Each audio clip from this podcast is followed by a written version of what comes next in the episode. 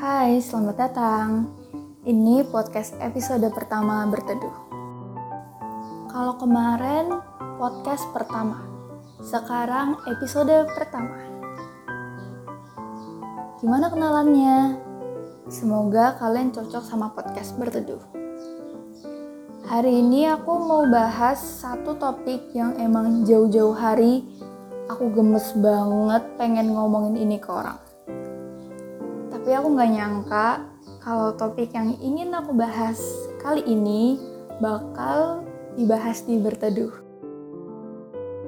Sebelum itu aku pengen tanya, kamu pernah nggak berharap ke orang, terus kamu bener-bener ngasih harapan itu ke orang ini, gak main-main?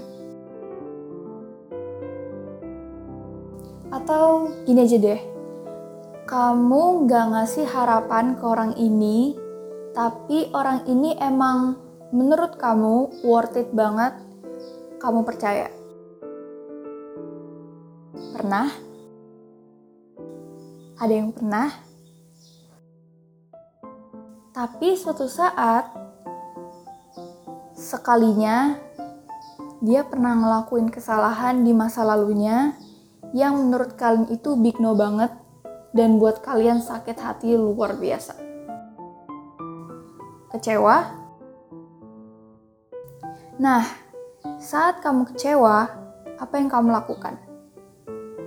Apakah kamu bakal maafin karena kalian pikir, ya udahlah ya, itu kan udah berlalu, udah kesalahan dia yang dulu, mungkin sekarang dia udah menyesal dan minta maaf. Atau kamu kecewa dan kamu marah sama dia. Karena kamu mikir, bisa-bisanya kamu udah ngasih harapan ke orang ini, tapi jauh sebelum kamu kenal dia, orangnya sekalinya sebrengsek itu. Anggap aja itu parah banget sampai kalian cap brengsek, ya gitulah pokoknya. Buat kalian yang milih untuk dimaafin, artinya kalian punya hati yang besar dan sabar. Tapi buat kalian yang milih untuk marah dan berharap orang itu hilang atau putus hubungan, maaf, tapi kalian tanpa sadar sudah menjadi bagian dari cancel culture.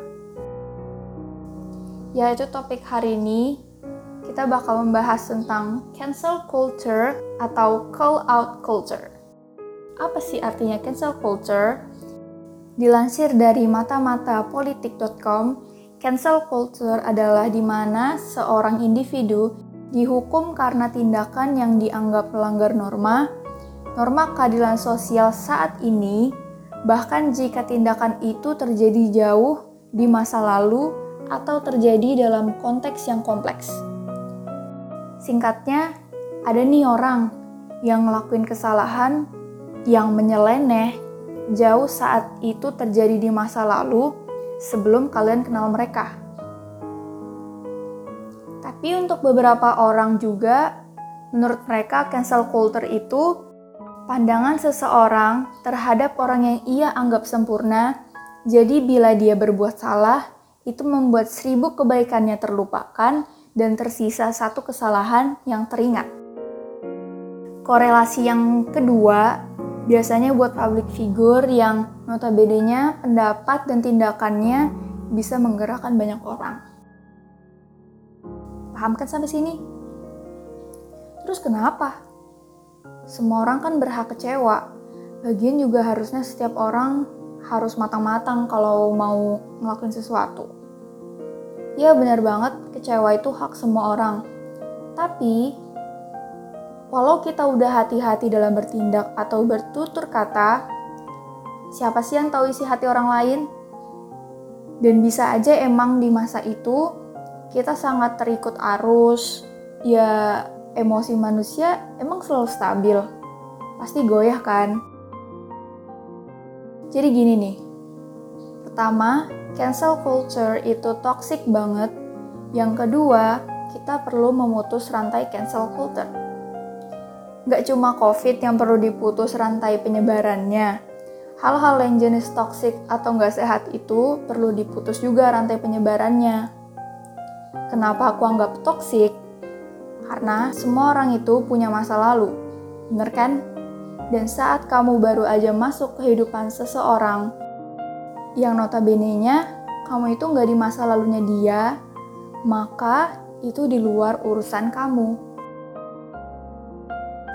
Semua orang aku yakin punya background yang macam-macam. Entah itu bisa buat kamu kaget, atau bisa buat kamu terharu, atau emosi apa pun itu. Dan misalnya kita dihadapin permasalahan yang kayak gini, kita ya cuma bisa maafin dia. Maklumlah semua orang kan pernah hilaf. Di mana pun masa lalunya, sesakit hati apa pun, kalau menurutmu sekarang dia baik atau dia berubah, harusnya kamu bangga.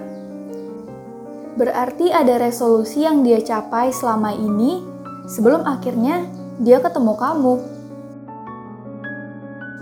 Mungkin yang bikin cancel culture ini menjamur juga bisa karena media atau itu emang kebiasaan yang udah ada dari dulu-dulu. Kalian mungkin pernah nonton ya mungkin sinetron gitu yang konsepnya misalnya si cewek jatuh cinta sama si cowok. Terus misalnya pacaran gitu ya. Eh nggak taunya jauh di masa lalunya cowok sebelum mereka ketemu si cowok kayak pernah kecelakaan dan nggak sengaja bunuh salah satu keluarga cewek. Ya ini contoh doang sih. Tapi aku yakin kalian kayak sering denger gitu. Walau contohnya agak serem ya tapi intinya kayak gitu aku pribadi sebelum tahu konsep ini aku sekubu atau sependapat sama si cewek. Yang kecewa yang marah. Cuman makin ke sini kalau dipikir egois banget. Dan aku yakin apa pun tindakannya pasti Allah juga udah punya takaran pas buat balasannya. Jadi kita nggak perlu nambah-nambahin sendiri buat balas dendam dan semacamnya atau enggak nanti kita bakal dibalas juga tindakannya di masa yang akan datang. Maaf itu terdiri dari empat alfabet, tapi anehnya susah banget ngomonginnya.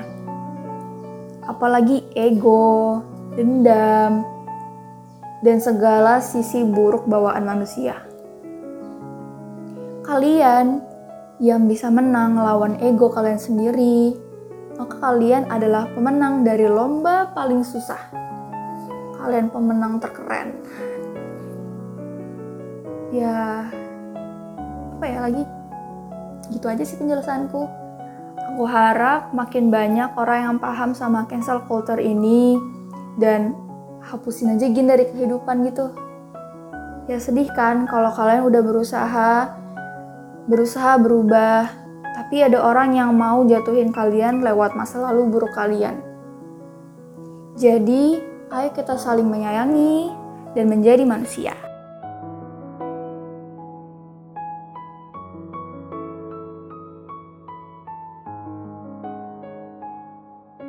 Setiap hari akan ada hujan, dan di hari itu akan ada waktu untuk berteduh.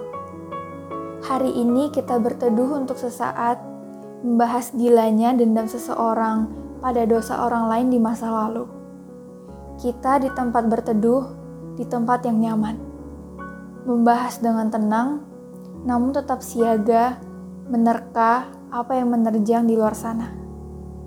Setelah segala zona nyaman yang kita rasakan untuk sesaat, akhirnya kita melanjutkan perjalanan.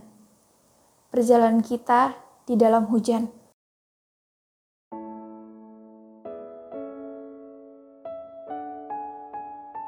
Terakhir, makasih banget buat orang-orang yang udah mau nunggu podcast ini, yang nyemangatin aku di podcast kemarin, padahal baru perkenalan. Aku seneng banget banyak antusiasnya. Banyak nggak ya? Tapi menurutku banyak, kayak seneng gitu aku. Jadi, makasih, thank you. Kalau gitu, sekian berteduh.